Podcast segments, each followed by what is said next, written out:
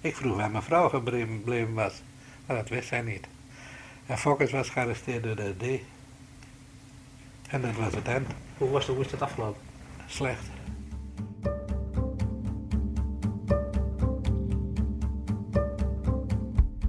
Dit is De Hilte 11, seizoen 2. Een podcast over het verzet tijdens de Tweede Wereldoorlog in Drenthe. Veel van de ooggetuigen leven nu niet meer, maar in het depot van het Drents archief worden hun verhalen nog altijd bewaard. Wij, Hilde Boelema en Marjolein Knol, beluisterden deze oude geluidsopnames. Een aantal van de verzetstrijders gaf in de jaren 80 namelijk een interview. In het kader van project Drenthe in oorlogstijd. Zullen we beginnen met het gesprek? eh, Met wie, wie, wie Nou, vandaag u? uh, zijn we 31 Zou u iets willen vertellen Een over heleboel uzelf? vragen. zegt u. 89. Waar u geboren Ik ben geboren in Friesland, Geboren in de gemeente Gieten. gemeente Opsteland. Zaltermond geboren. Geboren op 6 juni. Het is zo'n wereld. In het eerste seizoen van De Hilte 11 hoorde je het verhaal van de familie Nijboer. In dit seizoen vertellen we de verhalen van andere geïnterviewden. Aflevering 3, Toon en Sientje Talen uit Meppel. Eh, nou, eh, vandaag, eh, Dierendag, 4 oktober 1988, zijn we in gesprek met mevrouw Talen in Meppel. Eh, wilt u eerst even uw volledige naam en eh, geboortedatum en geboorteplaats zeggen? Nou, ik ben Francina Dingstee. Ik ben geboren 27 7 1917 te Staphorst.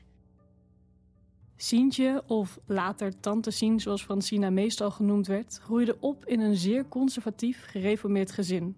Wij zijn opgegroeid met God, Nederland en Oranje, bij wijze van spreken. En eh, dat is ons bijgebracht. En nou ja, ook de trouw eigenlijk toch aan het Koningshuis en aan het vaderland, dat is ons eigenlijk met de paplepel ingegeven. Ja. Ah, ook zo het geloof, zou ik maar zeggen, dat is, eh, ja, dat krijg je van huis uit mee.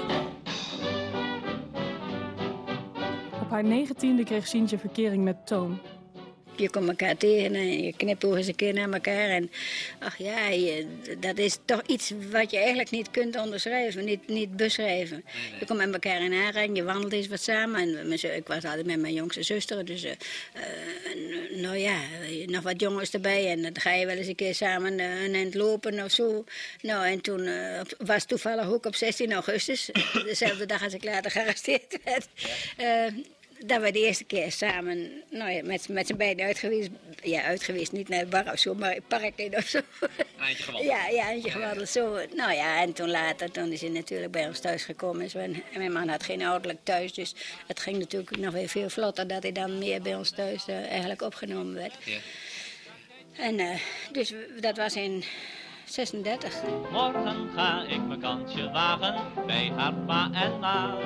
Rietje zei ik zal bij hen wel slagen, want zij zeggen ja. Ik verga van ongeduld, o lieveling. Ik heb voor jou een pracht cadeau, een gouden ring.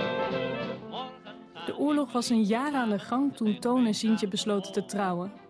Ze hadden vijf jaar verkering en kochten een huisje aan de Rozenstraat in Meppel.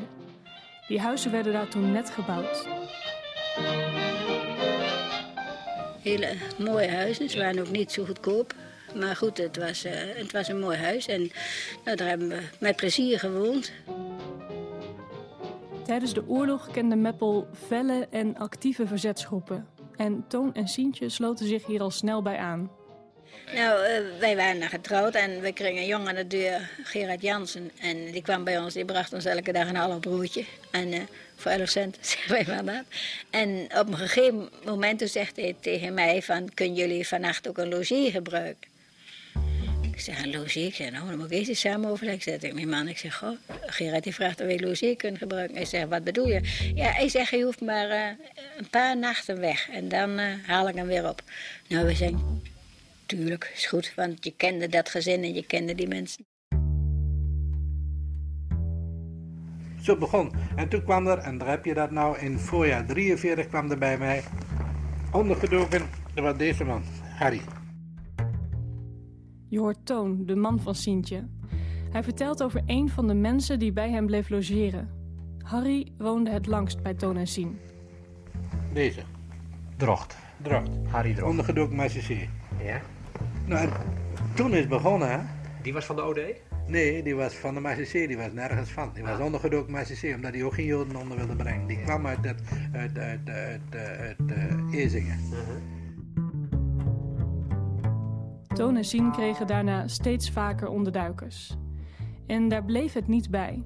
Zo was Toon betrokken bij overvallen, het ontvreemden van het bevolkingsregister van buurdorp Wanneperveen, het verspreiden van verzetskrantjes en het stelen van distributiebonnen en fietsen van NSB'ers.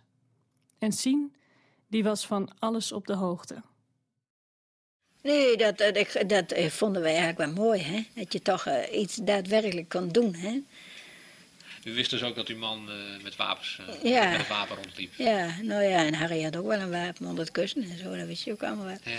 En dat was je ook, ja, dat nam je ook allemaal uh, gema of gemakkelijk op. Ik, maar, ik heb me daar nooit zoveel zorgen over gemaakt. Dat, later heb je natuurlijk wel eens gedacht, ja, dan kun je zien dat je jong bent, dat je ook overal nog niet zo zwaar aan tilt. Hè? Dat, daarom zegt mijn man nou ook vaak tegen de jeugd op school van, als er wat is, de jonge mensen moeten het doen. Hè? Ouderen die hebben vaak meer bezwaren.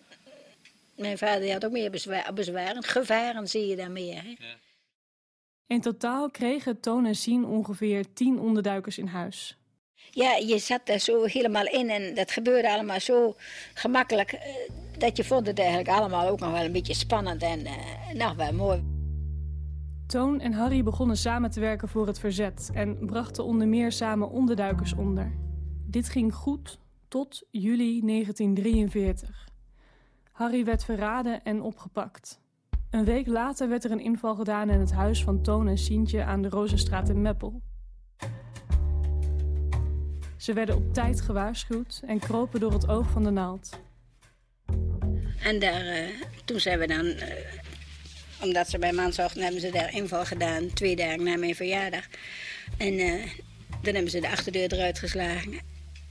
Nou, toen durfden wij natuurlijk niet meer in huis te gaan. Nee, nee, nee. En toen later hebben we dat huis dan zo onderverhuurd aan mensen die vanwege dat de Duitsers hun huis vorderden, daar uh, ingewoond.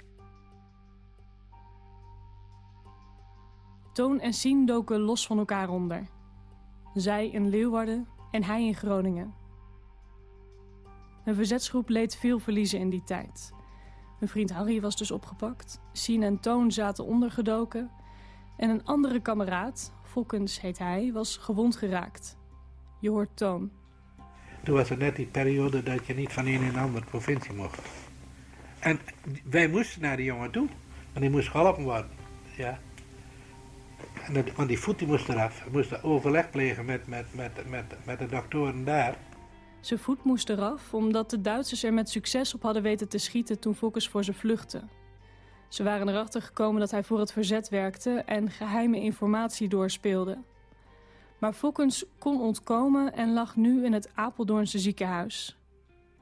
En dus reisden Toon en Sintje samen af richting de Veluwe om hem te helpen. Ik en ik moest, zou dan even naar dokter Wiersma om dat overleggen. Ik, moest dan, ik zei, nou wat is hier mooi rustig, zullen we vannacht hier blijven in Apeldoorn, dan willen we uit die zorgen weg. Want het is natuurlijk wat spanning, hè. Nou, even zorgen dat ik een onderdak voor de nacht kreeg. Het was voor Toon en Sien een kans om eindelijk weer samen te zijn.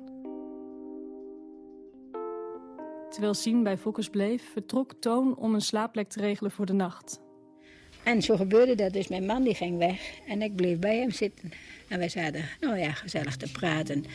Wat is er allemaal gebeurd en hoe is het met die? En nou ja, dat de jongens allemaal opgepakt waren. Hij wist natuurlijk van niks.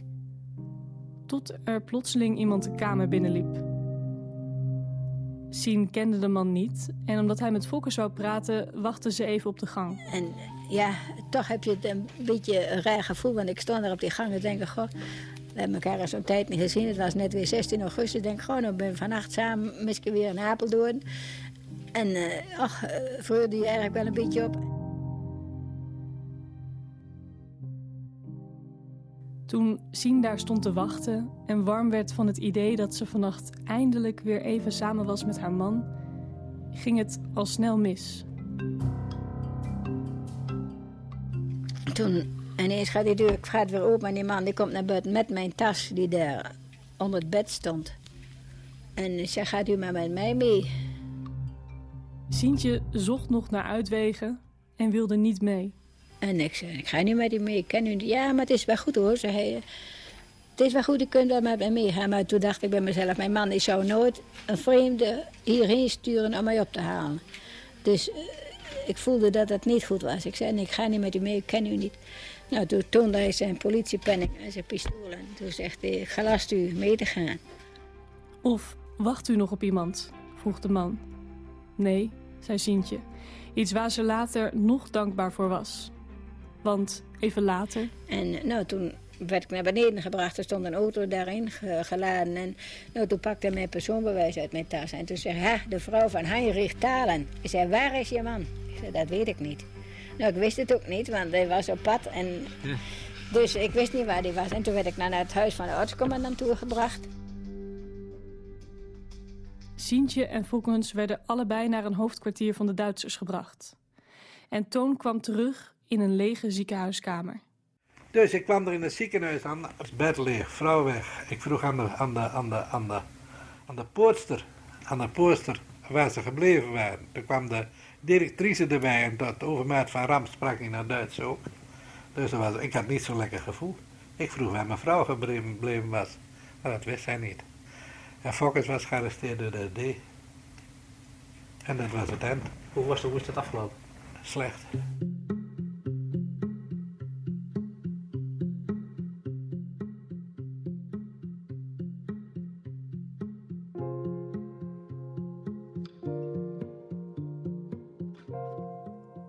Luisterde naar aflevering 3 van De Hilte Elf.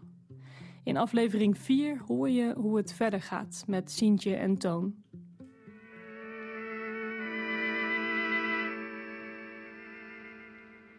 Let's say goodbye with a smile, dear.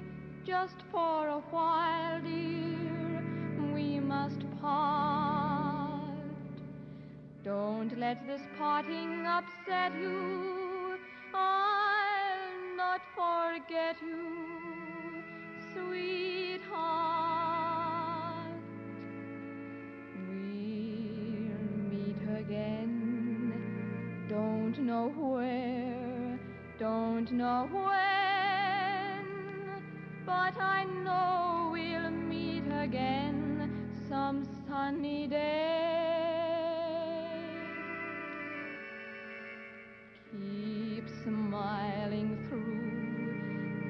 Like you always do, till the blue skies chase those dark clouds far away. And I will just say hello to the folks that you know. Tell them you won't be long. They'll be happy to know that as I saw you go, you were singing this song. We'll meet again. Don't know where, don't know when,